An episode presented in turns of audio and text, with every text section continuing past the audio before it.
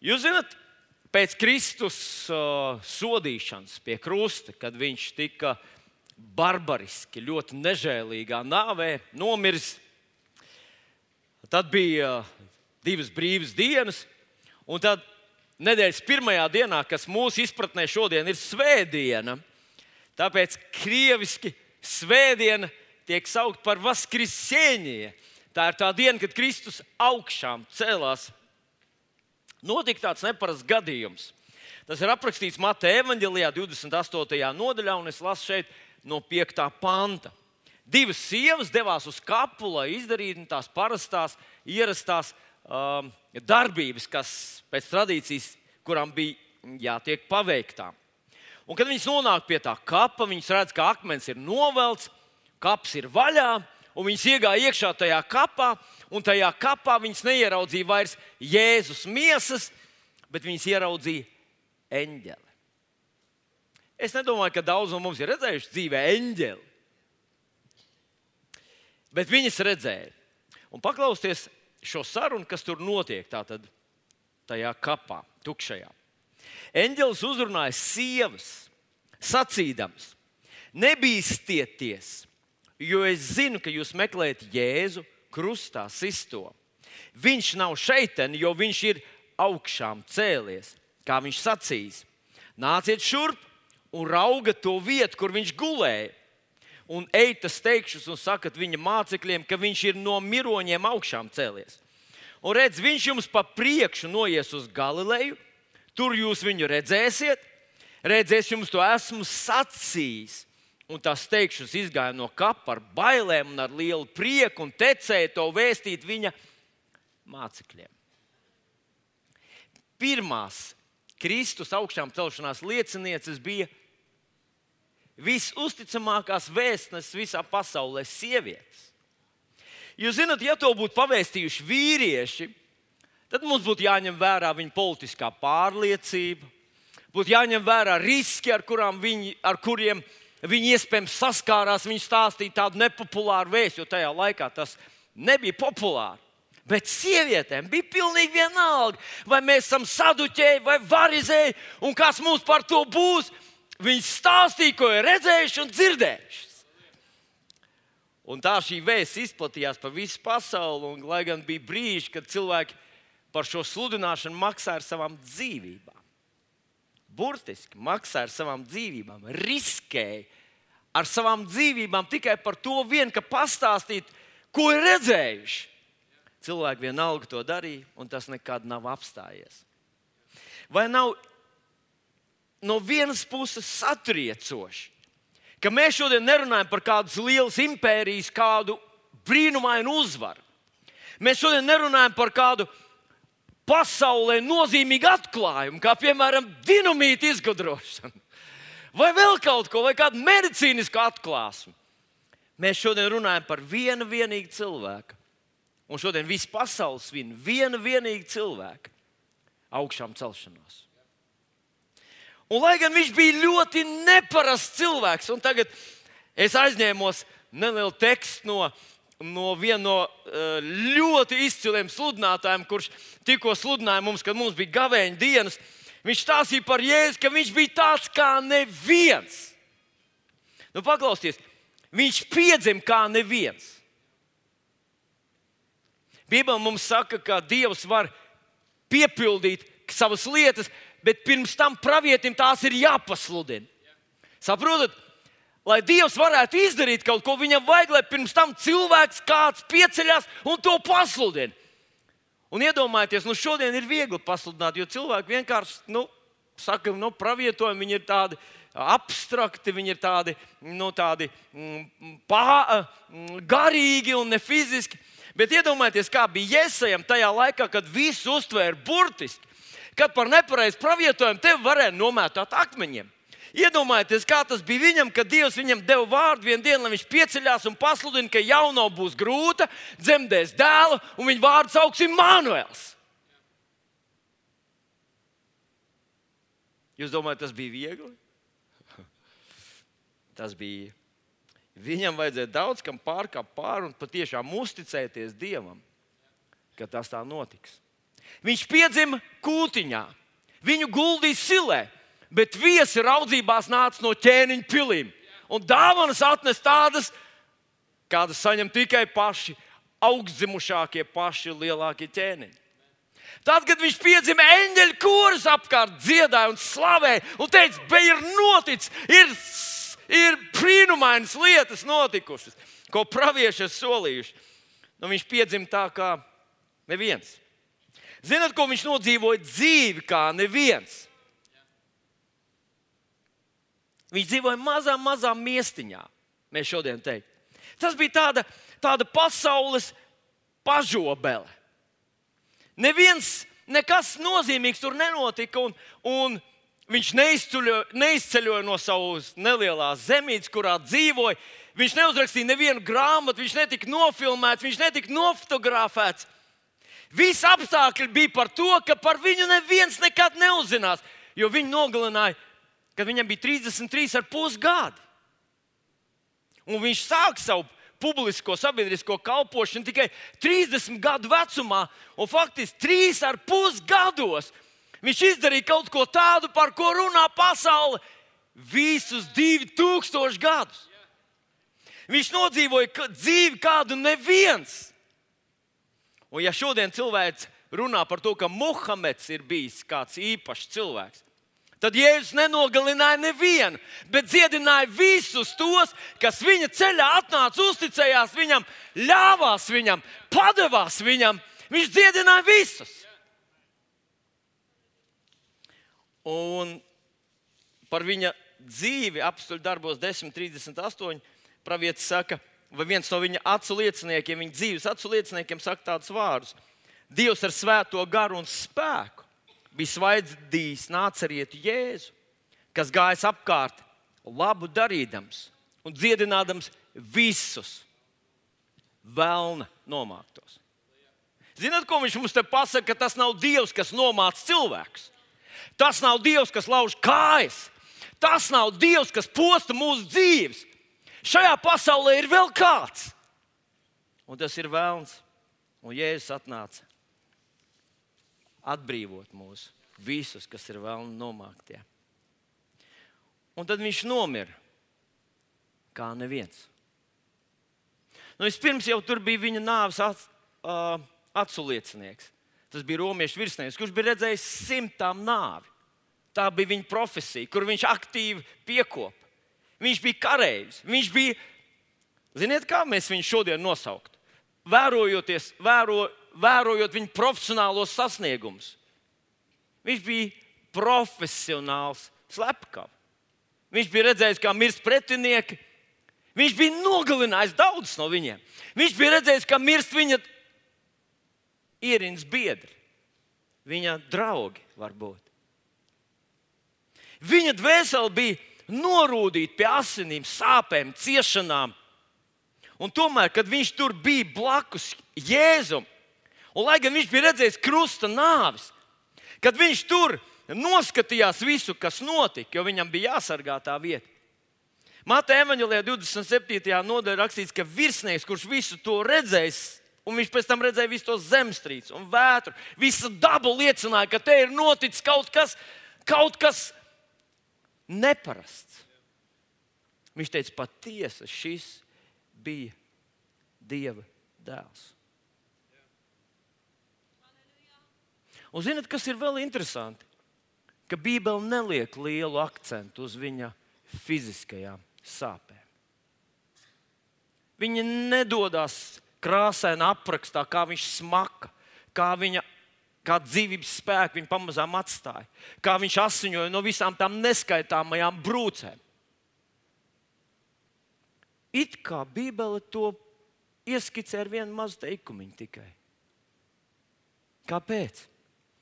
Tāpēc, ka tās viņa īstās ciešanas un sāpes neviens no mums nespēja aptvert.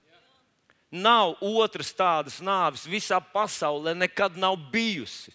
Lai arī cik grūti kāds cilvēks ir nomiris, viņš ir nomiris savu nāvi tikai. Jēzus nomira miljoniem, miljardiem cilvēku nāvis vienā reizē. Un paklausies, kā Iesai to apraksta. Iesai to apraksta 53. nodaļā Vairākus simtus gadus pirms tas patiešām notika. Gluži kā daudz praviešu ap, ap 300 pravietojumu detaļās aprakstīja Jēzus piedzimšanu, Jēzus dzīvi, Jēzus nāvi, Jēzus augšām celšanos. Tāpēc tas ir tik ļoti īpašs un neparasts, ka detaļās viss bija zināms. Un mācekļi tikai gāja viņam no muguras un teica, tā kā pravietis sacīja, tā kā pravietis sacīja, tā kā tas ir uzrakstīts, tā kā pravietis sacīja, viss ir piepildījies. Mēs redzam, vērojam, kā pravietojumi piepildās viņa dzīve. Bija viss viens vienīgs kādu vienu dievu praviešu pasludinājumu piepildīšanās. Bet viņš raksta to tā. Viņš bija nicināts. Labākie ļaudis no viņa vairījās. Vīrs, kam nebija svešas sāpes, kas bija norūdīts ciešanās, tāds, kura priekšā aizklāja vaigu. Tā nicināts, ka mēs viņu ne par ko neturējām. Taču viņš nesa mūsu sērgas un ciešanas un mūsu sāpes viņš bija uzkrāvis sev. Kur pretī mēs viņu uzskatījām par sodītu, dievu satriektu un nomocītu. Viņš bija ievainots mūsu pārkāpumu dēļ, mūsu grēku dēļ satriekts. Mūsu sots bija uzlikts viņam, mums par atpestīšanu, ar viņu brūcēm. Mēs esam dziedināti. Paklausies vēlreiz tos vārdus. Mēs uzskatījām viņu par sodītu, dieva satriektu un nomocītu. Bez tā, ko mēs varējām redzēt no malas, kā skatītāji, kā liecinieki, kā eksperti, mēs varējām redzēt, kā cilvēki viņu nomoca un soda. Bet pravietis saka, ka Dievs viņu tur satriec un nomocīja. Kādēļ? Tādēļ, ka taisnais Dievs uzlika visus mūsu grēkus, visu mūsu sodu, visus mūsu noziegumus, visu to, ko mēs vai kāds cits, vai jebkurš cilvēks visā pasaulē, jebkad būtu bijis nopelnījis. Dievs to visu uzkrāja savam vienīgajam dēlam, Jēzum Kristum. Viņš izciet kaut ko tādu, par ko mēs vispār nestādamies priekšā, kas tas ir. Lai mums tiktu piedots. Varbūt kāds šajā zālē sēž un saka, nu jā, jā, Vilni, es, es saprotu, laikam jau tā ir. Jā, jā, es, es jau ticu, ka, ka Jēzus ir tas, kurš piedod grēkus, un, bet, bet visa tā viņa darbs, visa tā viņa notikuma, tā būtība, viņa taču ir par to, nu, par viņu pasauli. Viņš piedeva grēkus, lai neviens neiet uz elli. Tāds ir evanģēlīja vēsts. Evanģēlīja būtība, evanģēlijas sirds ir tāda, ka Dievs uzkrāja visus tavus grēkus uz Jēzu, lai tev nav jāiet uz elli. Nevienam cilvēkam nav jāiet ellē. Nav neviens, kurš nolemts iet uz elli savu grēku dēļ. Tādēļ, ka Dievs visu tavu sodu ir uzlicis kungam Jēzum Kristum, lai tu varētu nākt uz debesīm. Viss, kas tev jāizdara, ir jāpieņem un jānotic šai Dieva mīlestībai, kas atklāta Jēzu Kristu. Viss, kas vienam cilvēkam ir jāizdara, viss, kas vienam pēdējam kretīnam, piedodiet, ir jāizdara. Viņam jāpaceļ savs acis, jāatzīst savus grēcīgumus. Un jāsaka, kungs, lūdzu, esi man, kretīnam, žēlīgs. Un es ticu tev, Jēzu Kristu ka tu paņēmi visus manus grēkus, visu manu kretīnismu, uznes to pie krusta, lai man izglābtu, lai es varētu nonākt debesīs. Bet ziniet, ko cilvēki kādreiz saka, Vilni? Es saprotu, ka tur tajā pusē tur ir debesis un elle. Bet, Vilni, vai tu zini, ka es jau šodien esmu elle? Es jau šodien ciešu, man ir tik daudz vis visādu bēdu un problēmu tās, kas ir apkārt man, un kur nu vēl visas tās problēmas, kas ir manī pašā. Es pats ar sevi galā netieku. Tāpēc jūk laulības, tāpēc cilvēki uzmet, nodod viens otru. Tāpēc cilvēki pamet savas ģimenes, pamet savus bērnus, cilvēki pamet savus draugus un dara visu, ko. Ne jau tāpēc, ka grib būt kretīni, bet tāpēc, ka ar savu kretīnismu galā netiek. vai tiešām Jēzus upuris ir tikai priekš viņa pasaules. Tikai tāpēc, lai mēs nenokļūtu vai ellē, nenokļūtu ellē, bet nokļūtu debesīs. Un man jāsaka, tev, dārgais draugs, ka tie ir vieni no ļoti lieliem meliem, ka Jēzus upuris ir tikai runa par pēcnāvs dzīvi. Ka Jēzus upuris runā tikai par to, ka tu vari nokļūt ellē, ja tu viņam neusticēsies. Jo paskatieties, Jēzu, paskatieties uz viņa dzīvi. Un viņa dzīve ir teoloģija, pareizā teoloģijā, perfektā teoloģija darbībā. Viņa dzīve ir perfektā teoloģija rīcībā. Tā kā tam jāskan teorijā, tā tam vajadzētu skanēt praksē. Jēzus to nodemonstrē. Un es atceros, viņš sastapa vienu aklo Bartimēju, kurš bija pusmūža gados. Un kad viņš viņam sauca Jēzu, die, Jēzu nāciet, apžēlojies par maniem. Jēzus viņam neteica, Bartimēji, nu, tu jau pusmūžu esi izturējis. Pacieties vēl pusmūžu, jo pēc nāves tad tu gan redzēsi. Jairam viņš neteica, ka kad viņa meitiņa bija nomirusi, viņš neteica, nu, piedod, Dievam vajadzēja vienu eņģeli debesīs, un tāpēc viņš izvēlējās tavu meitiņu. Desmit spitālīgiem viņš neteica, nu, jūsu spitālība ir kāds īpašs Dieva plāns. Kad viņš sastapa Martu un Mariju, kur brālis bija nomiris, viņš neteica Martai un Marijai, ziniet, ko? Uh, uh, Eh, Dievam ir savs kalendārs un savs laiks, un diemžēl tas nevienmēr saskan ar mūsējo. Viņš teica Martai, ja tu ticēsi, tu redzēsi Dieva varenību. Ar to es gribu teikt, mīļie draugi, ka Lūkas evanģēlijā 4. nodaļas 18. panta vārdu, kur Jēzus pats tos citē, kur viņš saka, tā kunga gars ir uz manis, jo viņš man svaidīja sludināt prieku vēst nabagiem, pasludināt atsvabināšanu cietumniekiem, akliem gaismu, satriektos palaist vaļā, ir priekš šīs zemes dzīves tikpat daudz, cik priekš aizkapa dzīves. Viņš teica, zaglis ir nācis, lai zakt, nokaut un nomaitāt. Un paskatieties apkārt, tas zaglis maitā jau šodien. Bet viņš teica, es esmu nācis, lai jums būtu dzīvība un dzīvības pārpilnība. Un es esmu pārliecināts, ka viņš runāja gan par ak aklo Bartimē, viņš runāja par Martu, Mariju un Lācaru, viņš runāja par Jāira metiņu, viņš runāja par visiem tiem neskaitāmiem, kurus savas kalpošanas laikā viņš dziedināja, palīdzēja un reāli iejaucās cilvēku dzīvēm, lai viņus izglābtu. Jēzus darbs ir priekš pēcnāvs dzīves.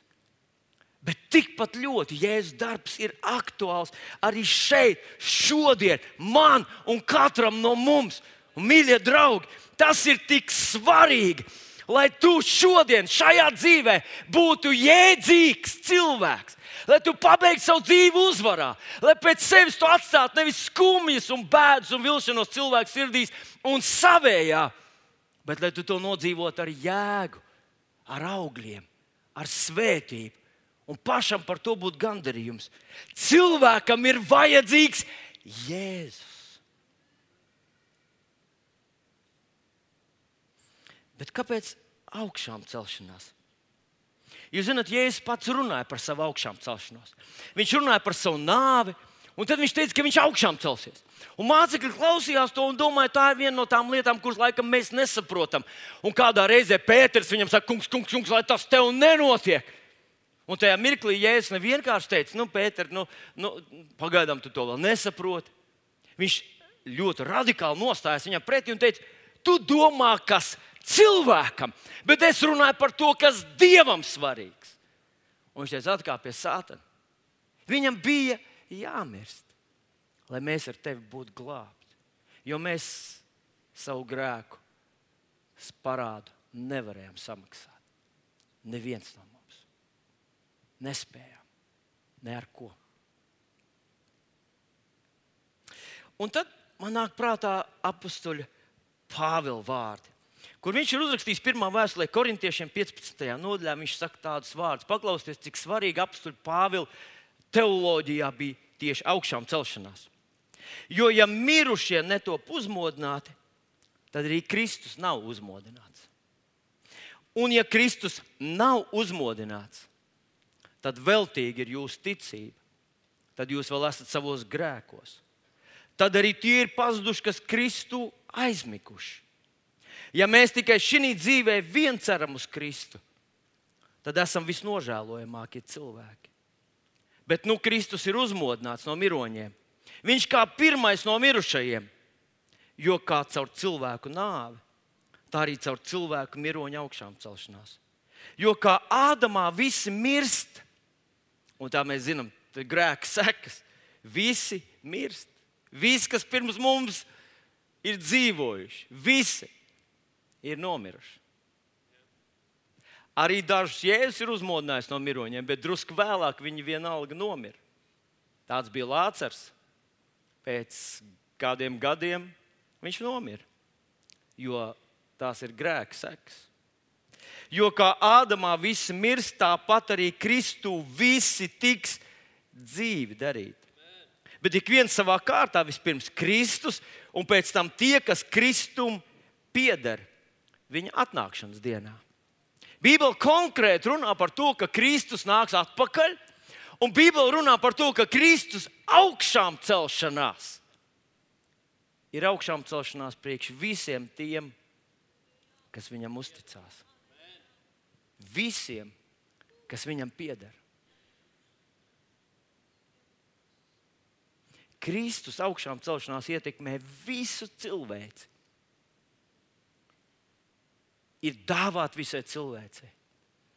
Un skumji par tiem, kas šo dieva absolūti nesautīgo dāvanu noraida. Un tā, mīļie draugi, es gribu trijos vārdos vai četros vārdos pastāstīt, ko tad Kristus mums atstāja ar savu nāvi, kurā mums, viņš salīdzināja mūs ar savu augšām celšanos, ko tad viņš mums deva. Vispirms viņš deva mums beznosacījuma mīlestību. Dievs mūs mīl, Dievs mūs mīl visus. Un kādreiz tu skaties uz kādu cilvēku, un tu sajūti savā sirdī, tu gribētu viņu mīlēt, bet kaut kas tevī kā, kaut kāda rakstura nesadarība, kaut kāda emocionāla nesadarība, kaut kāda vēl nesadarība. Tev ir ar kādu no cilvēkiem. Ne tāpēc, ka viņš ir slikts vai tu labs vai otrādi, bet vienkārši nu, kaut kā kādreiz tāds sajūta ir tad zini droši, ka Dievs mīl visus. Varbūt tu esi savā dzīvē saskāries ar to, ka tu neesi no tiem simpātiskajiem. Tev ir ļoti grūti iekarot kādas simpātijas, kurā darbvietā arī tu nenonāc. Tev vieglāk iegūt ienaidniekus, skaudžus un nelabvēlus nekā cilvēku simpātijas. Tad es tev gribu pateikt, ka viens ir, kas tev mīl bez nosacījumiem. Tas ir debesu un zemes radītājs. Debes Tēvs, kas dāvināja savu dēlu, lai tevi izglābtu. Viņš tevi mīl, mīlēja un mīlēs, un tas nekad nemainīsies. Un zinat ko? Mēs tikko dzirdējām liecību, ja jūs būtu bijuši mūsu vidū piekdienas eh, vakarā, kad mums te bija lūkšanas, viens jauns vīrietis iznāca mūsu priekšā Un viņam ir ģimene, viņam ir bērnu pusauģis vecumā. Viņam ir tagad tas laiks, kad viņam nu, ir jābūt vecim, viņam jābūt priesterim un ķēniņam savā namā, jo vajag tagad. Un viņš teica, es atrados slimnīcā. Un doktori nesolīja itin neko man labu. Es biju savas dzīves zemākā vietā. Ja jūs būtu ieklausījušies viņa doktora vārdos, tad doktors tā netieši, bet māja ar, ar baļķi, ka, nu, ziniet, tāds normāls cilvēks vairs nebūs. Un viņš stāvēja mums priekšā un teica, tad, kad es atrados tajā slimnīcā, eh, em, tā, pēc savu apsprāta apsvērumiem likās viszemākā vieta. Es jūtu Dieva mīlestību visus tos, visas tās nedēļas, kad es atrados šajā slimnīcas gultā. Fiziski. Un es biju aizgājis pie viņu slimnīcas. Jūs zināt, es nebiju redzējis laimīgāku, priecīgāku, apmierinātāku cilvēku kā šo puisi, kurš tagad atrodas savas dzīves zemākajā vietā. Ja jūs gribat teikt, ka mīlestība ir mazs nieciņš, ziniet ko? Jūs neko nesaprotat par mīlestību. mīlestība dara brīnumus. Un tas puisis šodien stāv mūsu vidū. Stāsts jauneklis, jūs nekad nedomājat, ka kaut kas ar viņu kādreiz ir bijis nepareizi. Viņš dāvināja mums beznosacījumu mīlestību. Viņš dāvināja mums jaunu identitāti, nemainīgu, spēcīgu identitāti. Mēs esam Dieva bērni.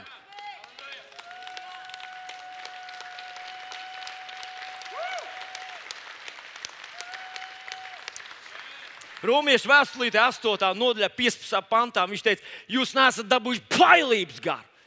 Bet esat dabūjuši Dieva bērnības garu. Un šis Dieva bērnības gars mums liek paskatīties uz debesīm un teikt, Tēvs, Tēvs! Kādam varbūt Dievs ir tiesnesis, bargs tiesnesis. Bet man, kas esmu uzticējies kungam, Jēzum Kristum un tam kretīnam, varbūt es arī esmu viens no tiem bijušiem kretīniem kurš uzticējās Jēzum Kristum kā savam kungam un glābējam, es varu paskatīties uz debesīm un teikt, man debesīs ir tēvs. Man ir mana identitāte, man ir vērtības apziņa. Es zinu, ka šajā pasaulē es esmu vajadzīgs. Es zinu, ka viņš man te ir nolicis. Man ir darbs, kas jādara šeit. Un es esmu vajadzīgs cilvēcei. Vienalga, ko viņa par mani domā, Dievs man ir dāvinājis jums. Paldies! Bet tieši tas pats attiecās uz pilnīgi ikvienu no mums, Dieva bērnu. Viņš dāvināja mieru dvēselē. Ja es teicu, Jānis 16, 33, pasaulē mums būs bēdas, bet šo visu es esmu runājis uz jums, lai jums miers būtu manī. Miers, sirdī prieks. Bībelē atkal un atkal raksturvietas, kuras pavēl, paģēra, liek. Ziniet, ko darīt? Paradoxāli, kaut kā cilvēkiem kristietība saistās ar mūžīgo, eh, mūžīgām bēdām, mūžīgo grēku apziņu. Bet Jēzus mums teica, lai mēs vienmēr priecājamies, vienmēr pateicamies un esam pilni taisnības apziņas, jo Viņš ir salīdzinājis mūsu noziegumus. Un tad viņš dāvināja cerību. Dievs ir nosaukts par cerības devēju Dievu. Ja tu esi savas dzīves šobrīd zemākajā posmā, bet Jēzus ir tavs kungs, tu vari būt drošs. Tev nav šeit jāpaliek. Necel māju bēdu ielā. Tev no tās jāiet prom. Tāds ir Dieva plāns tavai dzīvei. Un tad paklausieties vēl divas lietas, kas ir tik nozīmīgas un svarīgas, kuras Jēzus un viņa augšām celšanās mums deva. Jēgu cīnīties.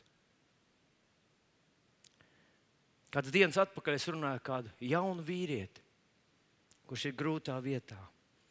Viņš teica, Vilni, es domāju par pašnāvību. Es saku, bet tev taču jācīnās. Priekš kam viņš jautā? Priekš kam? Ja es viņam teiktu, nu, bet tu esi jauns, tu vēl neesi Austrālijā pabijis, varbūt. Neesi ķēngurs redzējis lidojumā. Un, un, pagaid, tev taču, tev taču tu neesi vēl apēdis pietiekami daudz kartupeļu un vēl steiki gaida tevi. Viņš teikt, tas nav tā vērts. Vai tu ne, ko, ko tu ne, nu, neesi ar izplatni izlacis? Es negribu to. Kāpēc? Lai es cīnītos. Un Jēzus mums katram ir iedevis šo sapratni ir vērts cīnīties. Es esmu ar tevi. Tev izdosies. Es tev palīdzēšu. Tu man esi vajadzīgs šeit, un tu esi vajadzīgs cilvēkiem. Tu, tava vēstule, tava ziņa, viņi ietekmē cilvēkus tev apkārt. Tāpēc vēlams karo par katru pašnāvnieku. Jo katra pašnāvnieka stāsts ietekmē citus un katrs, kurš uzvar, nu, mēs dzirdējām viens jauns ģimenes stāstu. Viņi bija pietiekami drosmīgi, lai atklātu uh, savu pieredzi. Tas ietekmē mūs. Mēs gribam cīnīties par savām ģimenēm, par saviem dzīvesdraugiem, savām laulībām. Dievs saka, ka tu esi vajadzīgs cilvēcei, uzvarētājs, tu esi vajadzīgs svētīts, cīnies. Un zini, kad tu saproti, ka tu esi vajadzīgs, tad tu līdzīgi kā Mairis Briedis dodies tur. Un esmu pārliecināts, ka Mairis to nedarīja naudas dēļ. Bija kāda lielāka motivācija. Un vislielākā ir tā, kur cilvēkam viņa dzīvē dod viņa radītājs, viņa kungs un glābējs, kungs Jēzus Kristus. Un pēdējā lieta, viņš dod mūžības garantiju. Un tagad paklausies mazliet. Mēs visi dzīvē sastopamies ar izaicinājumiem. No pašas bērnības, visu laiku. Ir draudz, ka mēs nenoliksim eksāmenu, ka mēs nenoskriesim krosu gana labi, ka nevarēsim pievilkties tik, cik fiskultūras skolotājs to grib. Es to atceros. Angļu valodā es atceros, stājos medicīnas akadēmijā un nenoliku eksāmenu. Kā man likās? Ah, ko nu tagad darīt? Varbūt dzīvē nav jēgas vairs. Nu, iedomāsimies, ka vienam kristietim, vienam ticīgam cilvēkam uz Dievu nekas neizdodas. Viņš nevar pievilkties, krosu nevar noskriet. Viņam neizdodas ar dzīves draugu, viņam neizdodas profesiju iegūt, viņam nekas dzīvē neizdodas. Viss, vis tās, ko mēs uzskatām par sasniegumiem, viss viņam ir garām. Tad paklausieties, Jēzus sacīja tā, ka visneveiksmīgākā kristieša dzīve ir veiksmīgāka par visveiksmīgākā bezdievi dzīvi. Jo sausais atlikums no visa tā vienam ir mūžīga pazušana.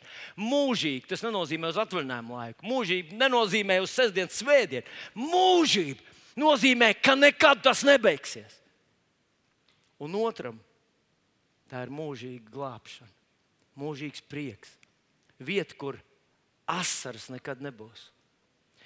Kur tu būsi pie sava debesu tēva, un tev būs tikpat liela vērtība viņa ģimenē kā citiem viņa bērniem. bērniem. Mūžības garantija Jēzus dāvā katram, kurš viņam tic. Nu, paklausieties viņa vārdus.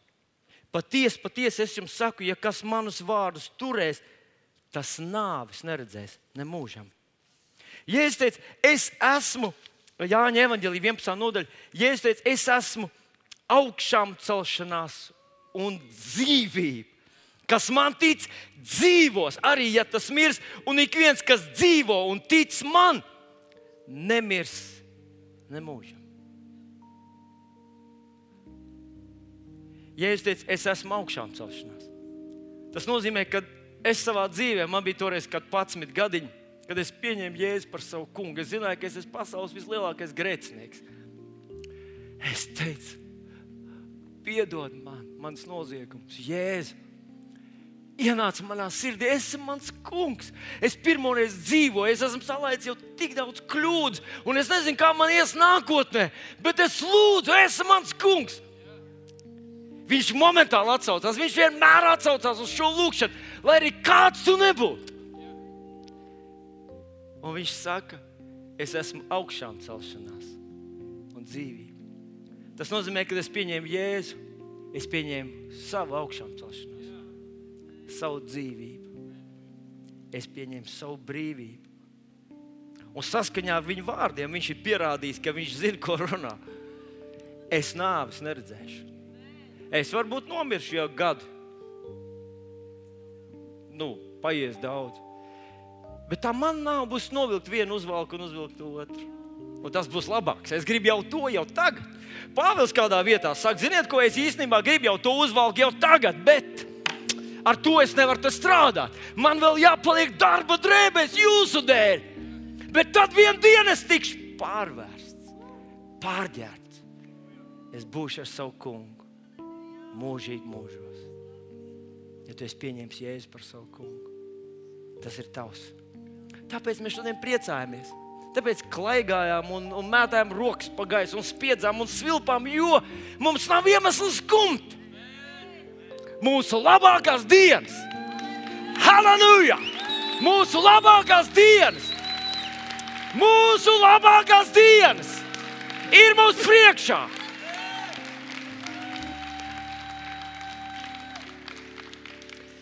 Es nobeigšu ar Jāņa Evanģelī 14. nodaļas 6. pantu.